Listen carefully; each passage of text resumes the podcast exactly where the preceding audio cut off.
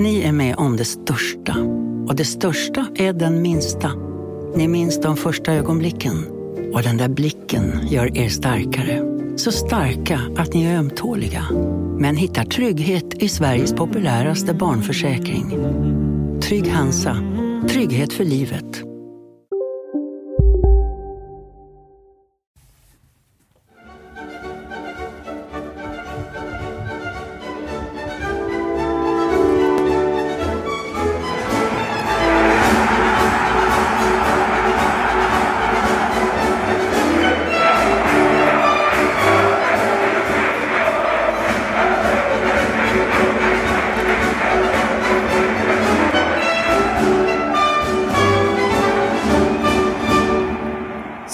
Semestertiden är nästan över. Vi är nästan fulltaliga på redaktionen och HIF-podden kan därmed sätta igång på allvar igen. Sebastian Rönnström är här, Erik Persson är här, själv heter jag Mattias Hjelm. Och HIF-podden har en hel del att avhandla den här veckan. Det var ju match mot Malmö FF på onsdagskvällen. Vi spelar in det här på torsdags eftermiddagen och det blev förlust. Det ska vi snacka ner. Sen är ju Armin Gigovic ryktenas man fortfarande, hif talangen Det är en stor punkt den här dagen. Och HIFs tabelläge som blir allt mer prekärt för varje omgång som går och så länge inga segrar kommer. Prata lite grann om målvakterna också i HIF som imponerar. En punkt finns där på slutet också som avhandlar transferfönstret som ju är öppet i Sverige. Där är menyn! Smakar det gott, Erik och Sebastian? det smakar förträffligt. En riktigt bra trerätters alltså. Eller femrätters. Det var väl fem punkter. Ja. ja. Hur bra som helst. Detta ser vi fram emot. Sebbe? Jo, jag eh, har fått sova ut och samla tankarna efter derbyt igår, så eh, nu är jag taggad på att dra igång här. Ah, för ni hade en svettig afton där nere. Ni pumpade ut massor av grejer och tekniken var inte helt med er och det var stressigt med eh, publiceringarna för att få hinna med det i tidningen också till tryckningen. Ja, vi var som HIF ofta har varit i Allsvenskan klarade till slut i de sista skälvande sekunderna. Så att, eh, ja, det var lite nervigt där på, på, på slutet. Men vi klarade deadline, tror jag. Skönt. Mm. In i matchen då. Det blev 4-1 till slut till Malmö FF. HIF var med i drygt en timme. Men sen när 3-1 målet kom i 62 minuten så blev det klara papper.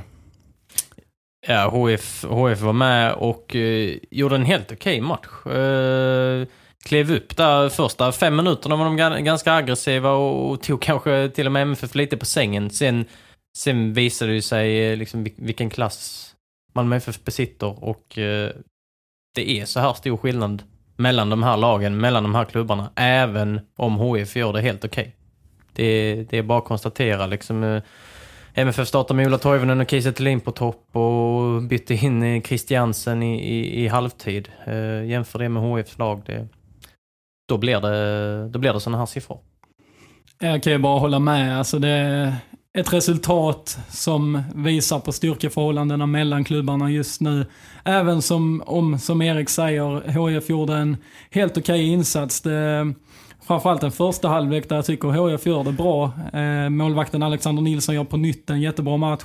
Jakob Fölkerling Persson som spelar på centralt mittfält och precis har kommit tillbaka från en fotskada gör en stabil insats och vinner mycket dueller där på mittfältet. Och en spelare som Asad Hamlavi så pigg ut och visade lite framfötter i första halvlek men som Erik också sa så tar det ut sin rätt i andra halvlek. Malmö är ju klart bättre, det är inget snack om saken.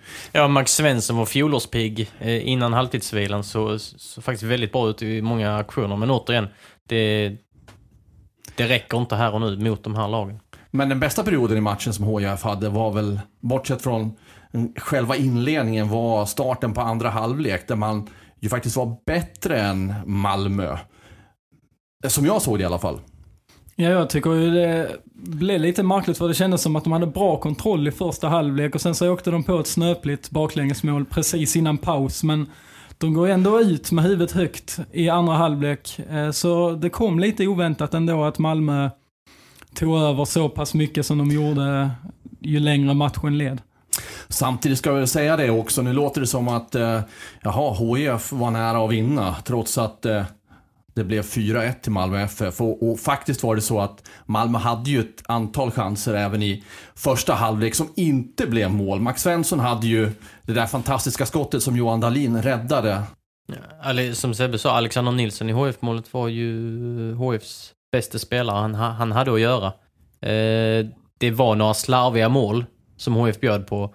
Men hade de inte gjort mål där så hade de ändå hittat fyra mål totalt. Eh, Kiese hade ju en stolpträff och en ribbträff exempelvis. Så det, de där fyra målen hade kommit på ett eller annat sätt eh, ändå. Eh, och sen pratar vi om styrkeförhållanden mellan de här eh, trupperna och liksom eh, de här klubbarna är ju helt i olika lägen. Det är inte som det var för tio år sedan. Och det är bara att kolla på HIF har redan använt 26 spelare. Eh, Ludvig Karlius eh, gjorde debut här eh, nu, eh, som tillhör U19-truppen egentligen.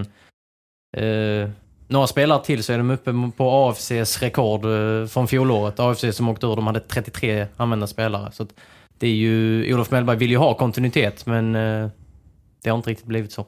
Av olika anledningar.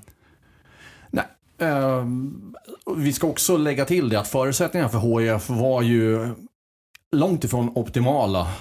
Andreas Granqvist är ju skadad sedan tidigare. Och vikarien till honom som lagkapten Anders Lindegård var inte med igår, målvakten. Och vikarien till honom som kapten, Mohamed Abubakari, var inte heller med. Så binden satt på Martin Olsson och Martin Olsson har varit väldigt bra sedan han kom in i HIF. Så de, alltså den listan, plus att Olof Mellberg då var avstängd efter röda kortet mot Hammarby. Inte lätt att kliva in i ett bortaderby då. Nej, det är det absolut inte. Alltså, det är inte vilka spelare som helst. De har Andreas Granqvist, landslagskapten. Anders Lindegård, en av allsvenskans bästa målvakter. Även om Alexander Nilsson då har gjort det riktigt bra. Och sen Abu Bakari som jag tycker är en av HFs absolut viktigaste spelare. Jag tycker det, det är en spelare som kanske inte syns alltid så jättemycket när han är på planen, men när han väl inte är där så det märks rätt så tydligt att han inte är, att där är saknas någon som kan ta tag i det, vara lite trygg med bollen och lugna ner spelet. En spelare som, ja det var du Erik som skrev analysen och krönikan igår och, och där så konstaterade du att Armin Gigovic, ryktenas spelare i HIF och i Allsvenskan man får man säga vad gäller försäljning. Eh, att han hade en tung afton. Berätta vad du tänkte och vad du såg och varför det blev en tung afton. Ja, det vet du kanske inte, men varför? Ja, men... han, han höjde ju sig efter paus. Eh, det får man väl ändå ge honom, men sett till förväntningarna, sett till vad han skulle uträtta i år, eh, så, så har han liksom inte riktigt kommit upp i nivå eh, någon gång under den här säsongen, liksom över tid. Och och igår så blottade han liksom sina brister i sista tredjedelen. Vi, vi har ju pratat om att han ska göra fler poäng. Eh, han har spelat 26 allsvenska matcher nu. Ett mål, en assist. Det är inte jättemycket. Sen bidrar han med mycket annat gott. Men eh, eh där i sista tredjedelen, eh, HIF kommer i ett jättebra kontringsläge precis innan halvtidsvilan. Och, och han eh, slår en passning som... Eh, ja, man, man hoppade ju till när man såg den. För den var... Den var, den var inte i närheten av att gå till rätt adress. Och sen 20 sekunder senare så gör MFF 2-1. Eh, och det var ju liksom ett sånt... Eh, ja men lite signifikativt för hans säsong så här, gång. Det, så, så, så, här långt. Det, det, det, stämmer liksom eh, inte riktigt. Eh, men det skrivs eh, nya rubriker varje dag att eh, klubbar eh, jagar honom och... Ja, frågan är ju, är, är han värd 30 miljoner kronor som det nu sägs enligt italiensk media att Genoa är beredda att GHF för den här 18-åringen. Ja, det var det senaste som har kommit fram, Sebbe. Ja, det snackas ju om det. Det var ju italienska uppgifter här på 30 miljoner från Genoa som är senaste budet så att säga. Och man kan ju såklart tycka och tänka om det. HF behöver ju framförallt pengar så min tanke är att kan HF få 30 miljoner för Gigovic så ska de ju sälja illa kvickt. Men eh, jag delar ju Eriks bild av Gigovic eh, säsong. Det känns som att han inte har levt upp till den hypen som han hade inför. Och, men samtidigt så har jag plockat fram lite statistik som där jag har jämfört Armin Gigovic med andra spelare i liknande åldrar. Och eh, gått efter eh, statistik vad gäller passningssäkerhet och vunna närkamper, eh, lyckade dribblingar och antalet bolltapp per match. Och de siffrorna imponerar ändå Gigovic. Jag har jämfört med bland annat Mattias Svanberg som lämnade Malmö FF 2018 eh, för eh, Bologna just i Italien och som har tagit en plats i Serie A.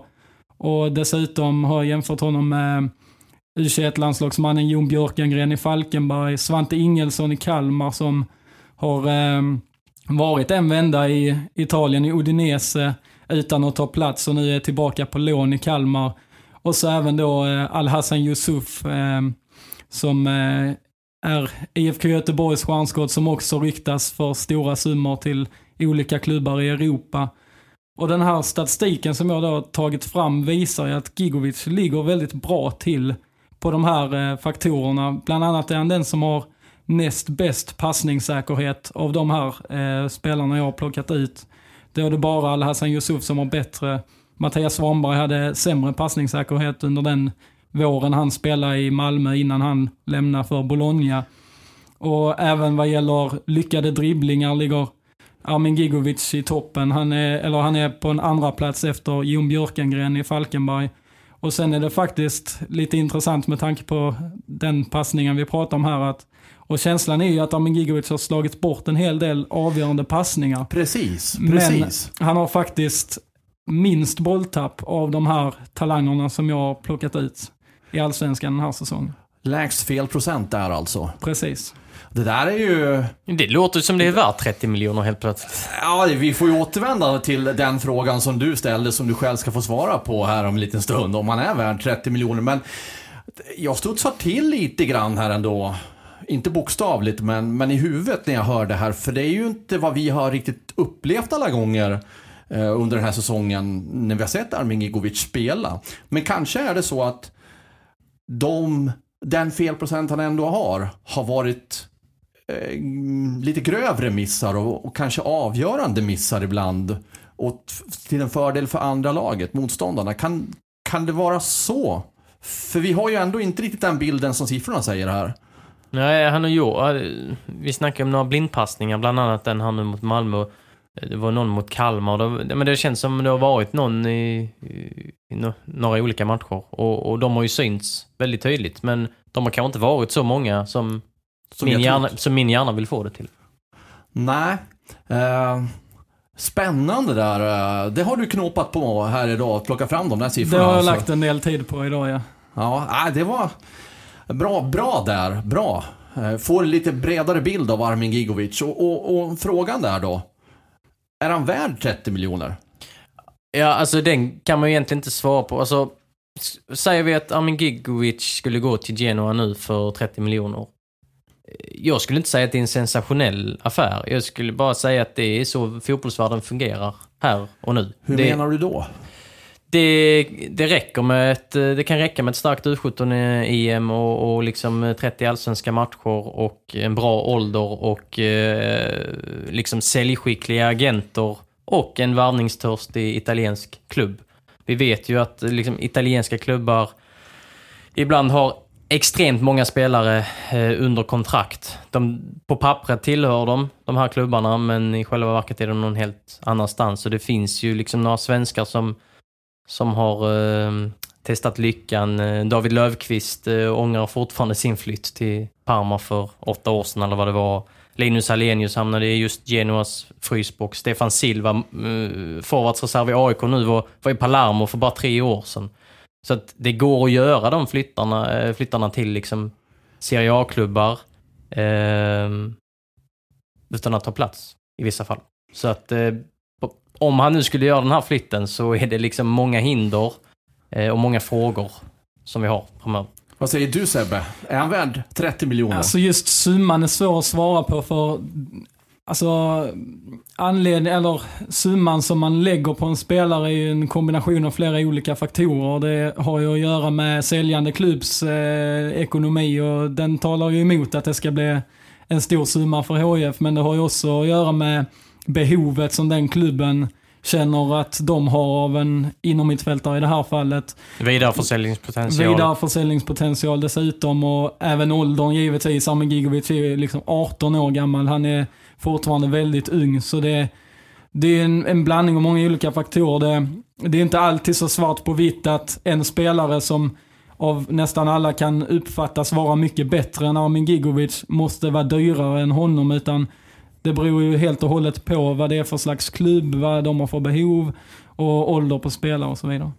Ja, och det här med alltså, transfersummor, det är, som du säger, det är svårt att jämföra. Jag minns när David Moberg Karlsson såldes från IFK Göteborg eh, till Sunderland, var det inte runt 20 miljoner då? Man bara hoppar till. Han, han, är väl inte, han, han, är väl inte värd det, men det, det är det jag menar. Ibland blir det så. Fotbollsvärlden, det, det, det är ju hiskliga summor. Det känns som eh, monopolpengar ibland. Ja, alltså det, det, det, det är helt otroligt så att 30 eh, miljoner, hur konstigt den låter, behöver inte vara så mycket eh, alltid för, för klubbarna där ute i Europa. Sebastian, du pratade ju med, med Armin Gigovic efter derbyt.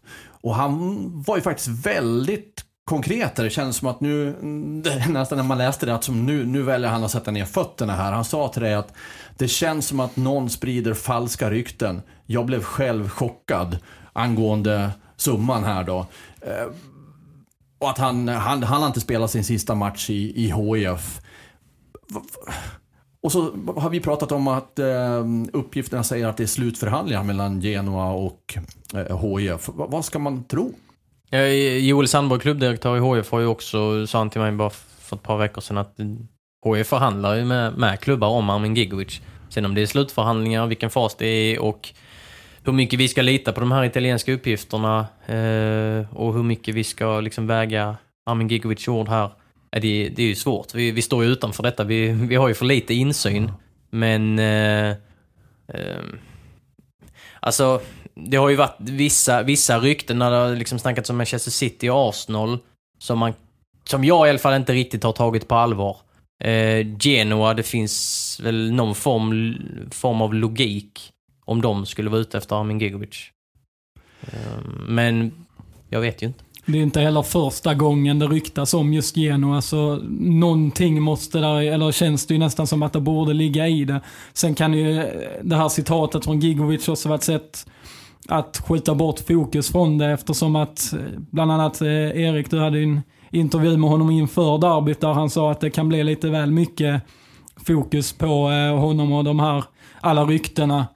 Så ehm, ja, man vet ju inte riktigt hur man ska tolka citatet så.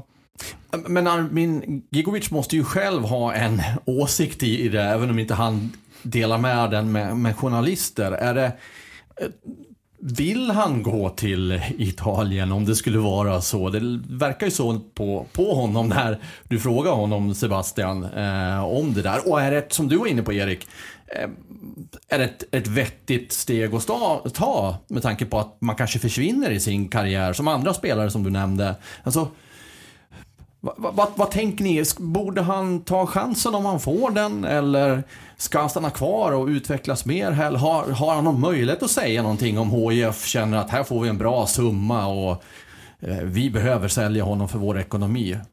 Ofta är ju spelarna liksom ganska maktlösa eh, i, i, i liksom de här frågorna när det handlar om eh, stora summor och HIF borde ju definitivt ta den här chansen. Men frågan är om, om liksom Genoa, om det nu skulle bli Genoa, om det är, om det är rätt klubb för Armin Gigovic. Det, det får ju framtiden eh, utvisa lite. Så det, äh, det, det, det, är, det är svårt, men HIF har ju inte så mycket att, att tveka på om det kommer liksom eh, 30 miljoner på bordet. Nej, jag håller ju med där. Alltså HIF har ju gått ut med nödrop till staden och allting om hur mycket Alltså att de behöver ekonomiskt stöd och det känns ju inte... Mm, svårt att säga att det är rättfärdigt att tacka nej till ett bud på 30 miljoner om det nu skulle finnas ett sånt. Sen eh, ska vi komma ihåg, som du sa Sebbe, Amin Gigovic är ung. Han har gjort eh, liksom 13 månader eh, på, på allsvensk nivå. Han kanske säljs till Genoa men lånas ut till HF för att få fler matcher. Det, det finns ju sådana olika lösningar också som kanske diskuteras.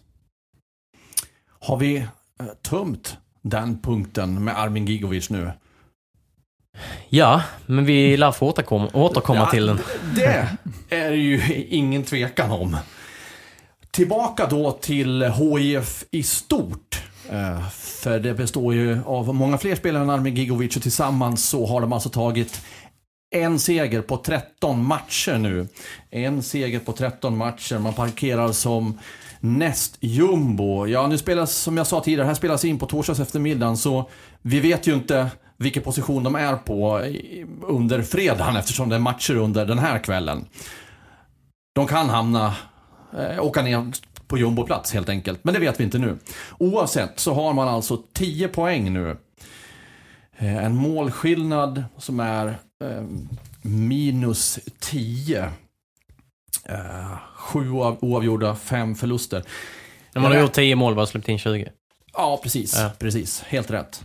Varberg har gjort 18 va?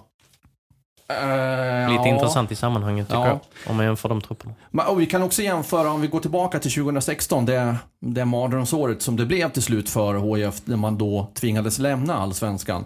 Då hade man efter 13 matcher, fyra segrar, tre oavgjorda, sex förluster, 18, 29 i målskillnad, alltså åtta fler gjorda mål, men också släppt in fler. Men man hade 15 poäng då, så fem poäng sämre nu alltså än för fyra år sedan vid motsvarande tid i tabellen då.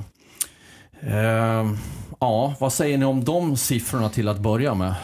Det är bara att inse allvaret. Det har spelats 13 omgångar snart. Det är vi halvvägs in i serien. Detta är, detta är på riktigt. Det går inte att blunda för det. Jag Nej. tror det också kan vara ganska lätt att luras in i en falsk trygghet för säsongen. Alltså känslan är ju att säsongen fortfarande är ung eftersom den kom igång så pass sent och det har varit så pass tajt matchande. Så, men vi får ju, alltså det är 13 omgångar som är spelade nu. Om två omgångar är halva serien spelad. Det går liksom inte att prata om att Eh, säsongen är ung, utan det är som Erik säger, blodigt allvar nu. Mm. 2016 så slutade HIF på 29 poäng. Det tog de alltså till kvalspel. Um, det snittet då, poängsnittet per match var 0,97. Efter derbyt nu, igår, så har man alltså ett poängsnitt på 0,77. Skulle det vara 0,77 som är snittet över de 17 återstående matcherna så skulle man plocka in 13 poäng till och landa på 23 poäng. Vi är specialister på det vi gör, precis som du. Därför försäkrar vi på Swedea bara småföretag, som ditt. För oss är små företag alltid större än stora och vår företagsförsäkring anpassar sig helt efter firmans förutsättningar. Gå in på swedea.se företag och jämför själv.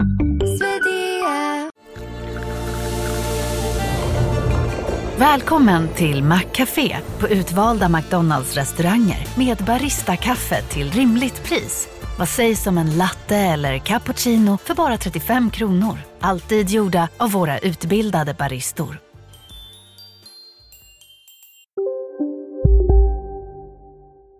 Och det är ju väldigt tveksamt om det skulle räcka till kval. Förmodligen inte. Ehm, 2015 krävdes det 25 poäng för kval. Då ehm, 31 var man på säker mark. 2016, som jag sa, 29 poäng eh, för kval.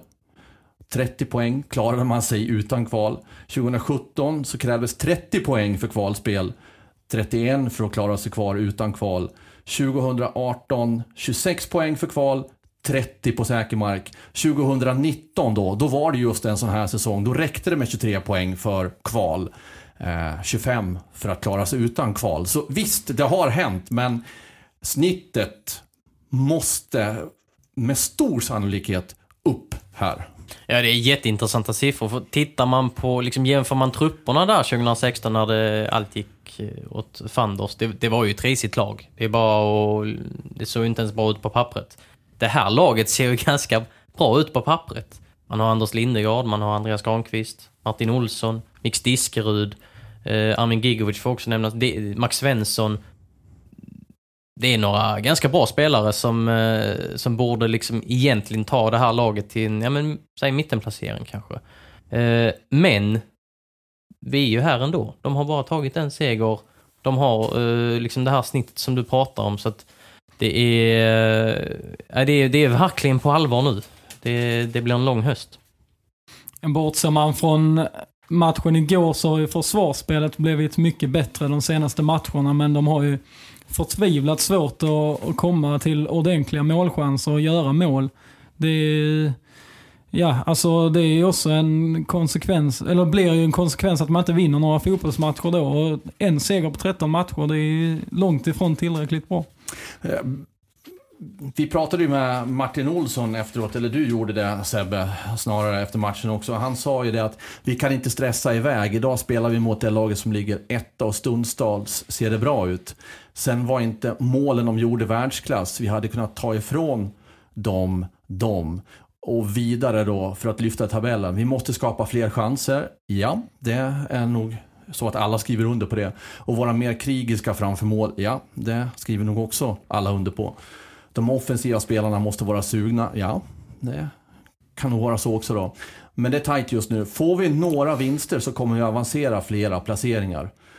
Får vi några vinster så kommer vi avancera flera placeringar. Där studsade jag till när jag läste det. För att Alltså, eh, man får inte bara några segrar. Det, är inte så Martin Olsson menar heller såklart. Man måste jobba till sig dem. Men det kan bli lite, vad ska man använda för ord här? Eh, på något vis nästan självbedrägeri att tänka att vi, vi, är, vi är ett väldigt bra lag så vi borde vinna matcher. Men faktum är att man bara har vunnit en match på, på, av 13 och då att börja prata om att får vi bara några vinster så, så löser det här sig. Alltså man, det är ju inte riktigt så enkelt. Nej, det blir ju inte så, efter, på... det blir inte så efter AIK-segern. Det har inte kommit nej, fler nej, segrar precis, efter det. Precis, och det är kanske så man måste ju tro på sig själva någonstans. Eh, givetvis, men eh, ja, kanske. Kanske att, att spelare behöver fundera på hur bra är vi egentligen? Inte börja tvivla på om man eh, är dåliga, men, men hitta kanske en annan balans för att utnyttja sina resurser på ett bättre sätt. Jag vet inte. Sen har det varit ett helt otroligt händelserikt halvår egentligen. Alltså det började i vintras när, när det var liksom en eh, totalrenovering av truppen. Eh, Mix Diskerud som nu har en nyckelroll kom liksom anslöt dagen innan premiären. Det har varit massa skador. Under försäsongen så snackades det om att man skulle spela liksom dynamisk fotboll och liksom trebackslinje ibland och liksom väldigt flex taktiskt eh, flexibelt. Eh, sen gick det som det gick i, i, i början och det har ju blivit mer liksom bottenstridsfotboll från liksom ja, andra matchen nästan. Ehm, och, och liksom mer klassiskt 4-4-2. Så att det, det, det har nog varit en del konflikter i, i Olof Mellbergs tränarhjärna där också. För det var ju inte så här det skulle se ut ens. Det var inte det här systemet de skulle ha. Eh, det var inte den här typen av fotbollen de skulle spela hela tiden. Kanske skulle göra det då och då, men man skulle kunna variera. Ehm, så att det, det har ju liksom hänt väldigt mycket och eh, han, Olof Möller har ju sagt flera gånger att de var inte redo eh, när allsvenskan började. Vilket man ju kan tycka att de kanske borde varit. Men ja. Och det är också intressant det du säger där om att det blir liksom kanske mer desperationsfotboll i vissa matcher. Har HIF liksom spelarmaterialet till att spela den typen av fotboll som de kanske behöver göra? Jag tänker på en spelare som Rasmus Jönsson, behöver ju ha mycket boll och komma i rätt ytor. Och Max Svensson är en lika, liknande spelare som också gillar att utmana, ha bollen vid fötterna. Anthony van den Hurk varvades in som en målskytt men har fått ja, bli eh, ja, nästan en renodlad targetspelare som bara krigar i dueller hela tiden. Ja, han är väl inblandad i flest närkamper ja, i hela allsvenskan? Ja, han har varit inblandad i flest dueller i hela allsvenskan. Så frågan är, alltså med den, alltså det spelsättet som HF måste anamma nu kanske inte heller passar eh, truppen så som det är tänkt. Det, eh, de har ju Alhaji Gero som är, sett bara till targetspelet så är han ju faktiskt bland de bästa. Sen är han långt ifrån de bästa eh, övriga faktorer i, i detta spel. Men, eh, och Asad Al-Amlawi, fantastisk huvudspelare. Så att det finns ju några där. Samtidigt, Al-Hadji Gero, inte den som du sätter in eh, i 90 minuter match efter match. Eh, Asad Al-Amlawi är ny på den här nivån, gör det jättebra men man kan inte räkna med att han liksom kan stämpla in varje vecka ännu kanske. Så att, eh, och då blir det ju så att då faller de kanske bort och så eh, ja, har vi kanske Rasmus Jönsson där uppe som inte är helt bekväm med, med stångandet där framme. När Rasmus Jönsson har haft en tuff vår och tuff comeback i HIF och petad alltså ut till bänken Mm, mot Malmö FF. Och, ja, du var inne på det i din krönika Erik Persson, ungefär som vad, vad tänker Rasmus Jönsson nu? Eh, och du kopplade tillbaka hur det såg ut för ett decennium sedan. Och ja, vad säger ni om eh, ja, Rasmus och det här med att komma till chanser, göra mål. Man har gjort 10 mål då på, på 13 matcher. Och mål måste man göra för att vinna och HIF måste vinna. Ja, så om man tar Rasmus Jönsson så har han inte alls kommit upp i den nivån han behöver ligga på. Det vet han själv om också. Jag pratade med honom inför derbyt och han, han var ju självkritisk men samtidigt ganska sansad och hade lugn över situationen där han sa att han fortfarande vet hur man spelar fotboll men samtidigt finns det ju statistik som talar för att han liksom träffar mål med 42% enheters eh, försämring det här, den här säsongen. Och, och han kommer inte heller till de lägena där han behöver vara för att utnyttjas på rätt sätt. Så ja, det känns som att, ja, jag vet inte, det är inte någonting som stämmer där. Men några det stämmer för faktiskt är HIFs målvakter. Alexander Nilsson, jättebra mot Malmö FF. Han har varit bra tidigare. Och sen Anders Lindegård, som du sa Sebbe, en av seriens bästa målvakter. Och så finns ju Kalle Joelsson som var väldigt bra i fjol. Alltså vilken målvaktstrio som finns. Jag, jag, tittade på vad vi har satt för betyg på, på målvakterna under de här 13 matcherna HIF spelat. Och slår man ihop alla betyg för alla tre målvakter och ja, tar ett snitt på det så landar de på 2,6. Vi brukar ju ha två som godkänd. Tre är väl bra då. Eh, och tar man bort de två första hemska matcherna då blir snittet 2,9. Nära 3. Det, det, är rätt så höga siffror ändå för målvakterna. Och det, det kan ju vara intressant i det sammanhanget att HIF pratar om att de är så stabila bakåt. Ja, nu, blev det fyra, nu ringde det fyra mål fyra gånger eh, mot Malmö då. Men jag tänker också så här. Hur superbra har de varit? Om, om HIF haft en, en lite sämre målvaktsuppsättning så kanske de inte ens hade tagit 10 poäng. Det är lite min, min tanke med det här att målvakterna faktiskt har räddat några poäng åt, åt HIF. Uh, eh, så, ja. Och det, målvakterna ingår ju i laget såklart. Så de är ju där för att rädda. Men... Mm, det finns en del frågor då vad gäller laget i övrigt, tänker jag. Som, vad säger ni om det? Eh, som Sebbe sa tidigare, eh, Anders Lindegård är, är en av seriens bästa målvakter. Tycker jag är solklart. Eh, Kalle Olsson visar förra våren att han håller en, en hög nivå. Han var med i landslaget och eh, det var andra klubbar, bland annat Norrköping, som, som jagade honom. Eh, nu har han haft ett eh, ja, bedrövligt år. Nu väntar han på en ny operation. Eh, men är troligtvis tillbaka om en månad ungefär.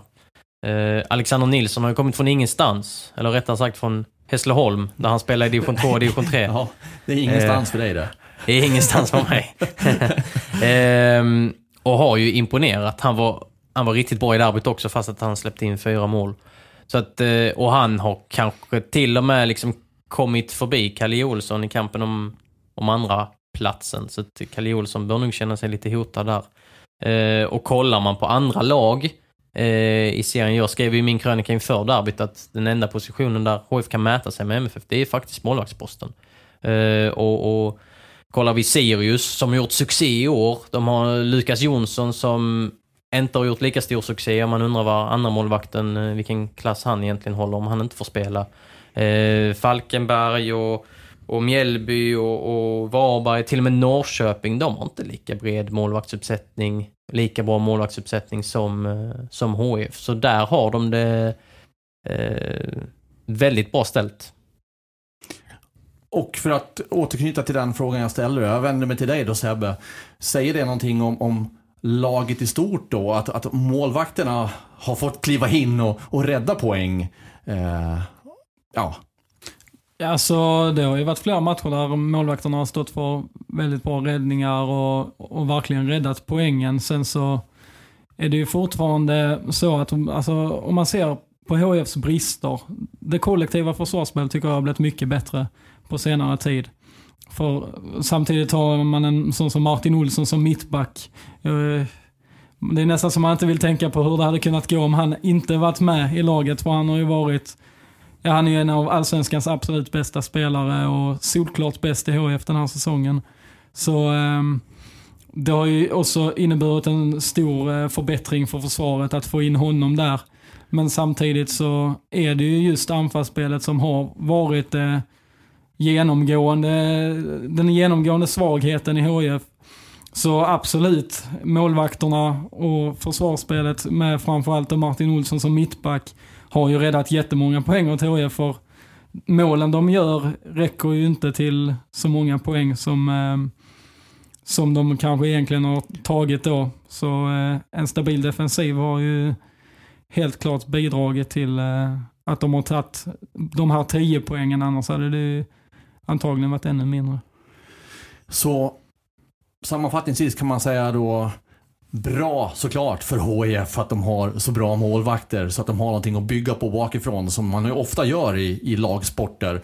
Men det säger också en hel del om hur knackigt det går åt andra hållet eftersom man bara har tagit 10 poäng. Och du nämnde Martin Olsson och Martin Olsson sitter på ett kontrakt som vi inte vet hur länge det sträcker sig. Väl? Det ska väl vara till oktober tror jag att han skrev på ett liknande så här tre månaders kontrakt. Eh, som man hade då innan det som gick ut efter matchen mot Häcken.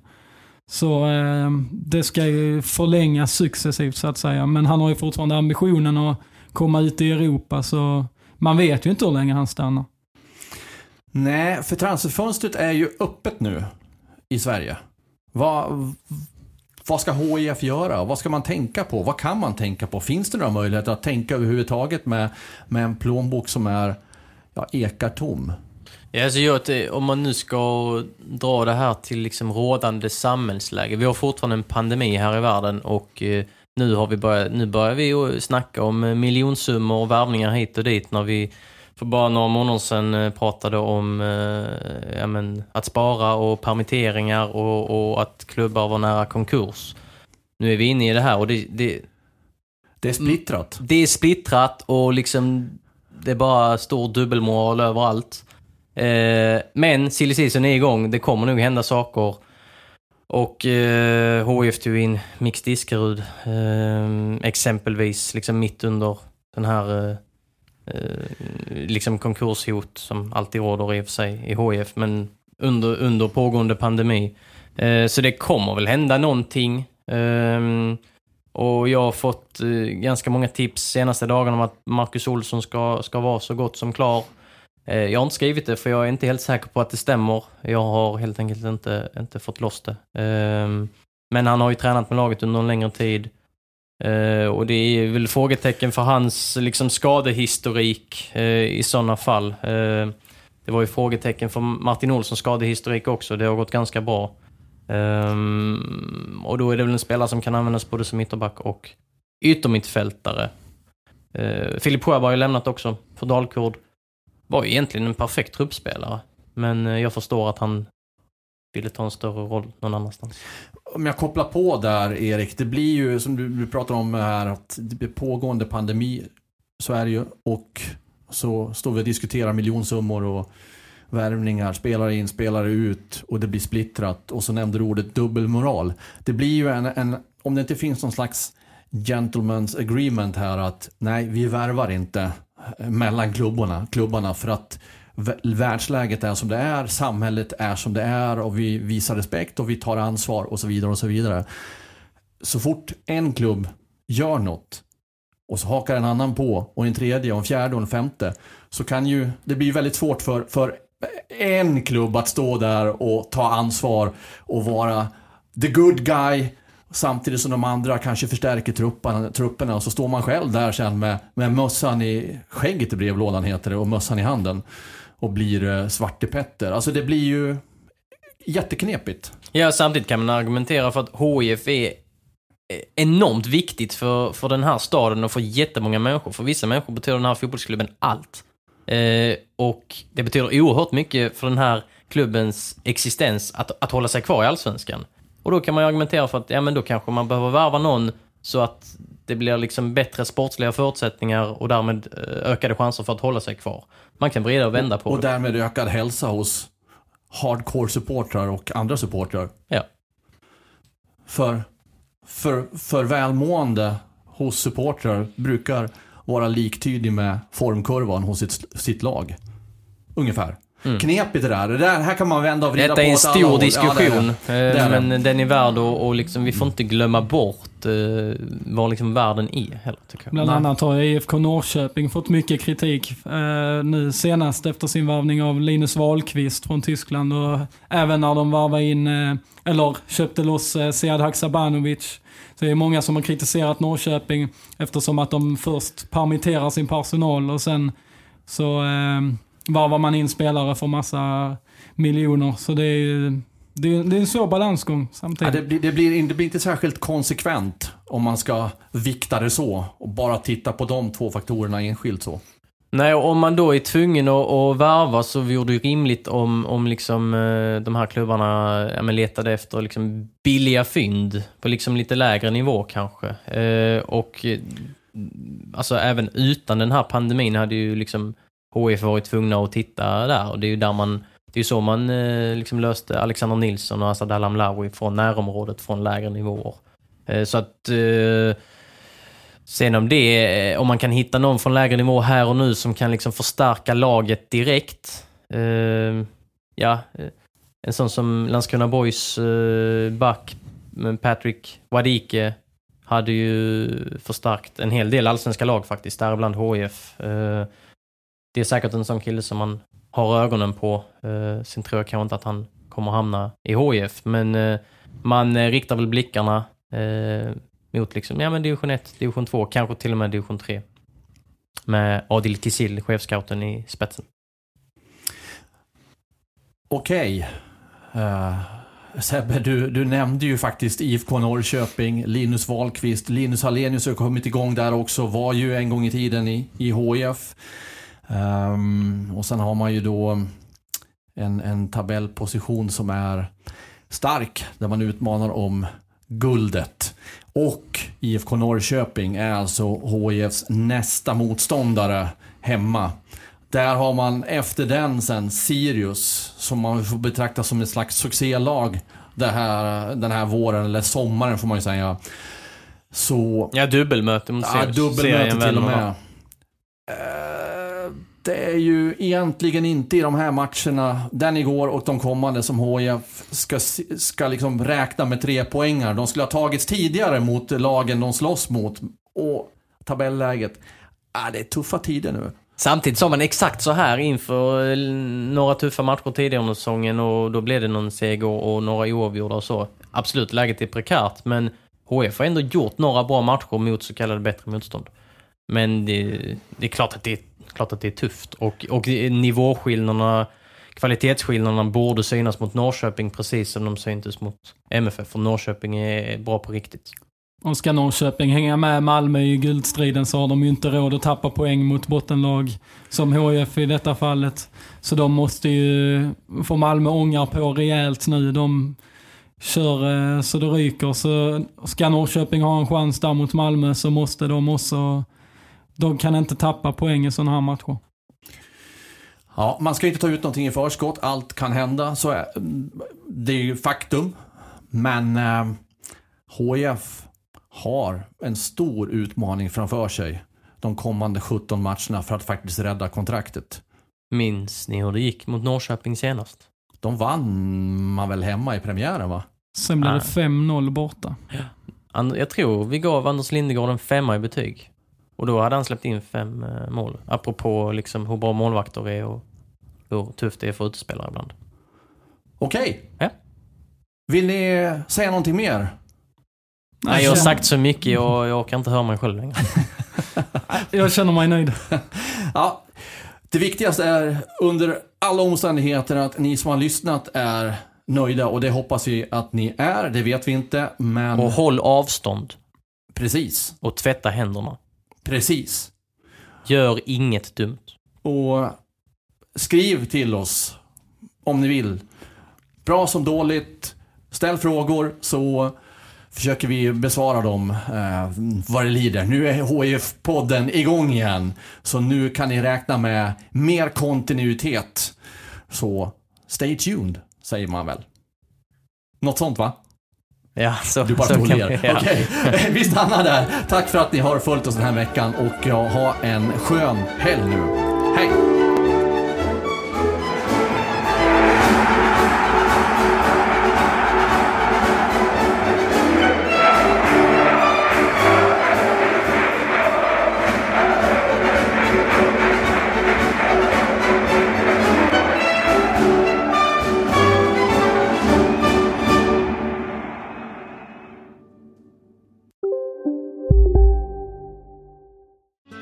Susanne Axel här. När du gör som jag och listar dig på en av Krys vårdcentraler får du en fast läkarkontakt som kan din sjukdomshistoria. Du får träffa erfarna specialister, tillgång till lättakuten och så kan du chatta med vårdpersonalen. Så gör ditt viktigaste val idag, lista dig hos Kry. Hej Sverige! Apoteket finns här för dig och alla du tycker om. Nu hittar du extra bra pris på massor av produkter hos oss. Allt för att du ska må bra. Välkommen till oss på Apoteket.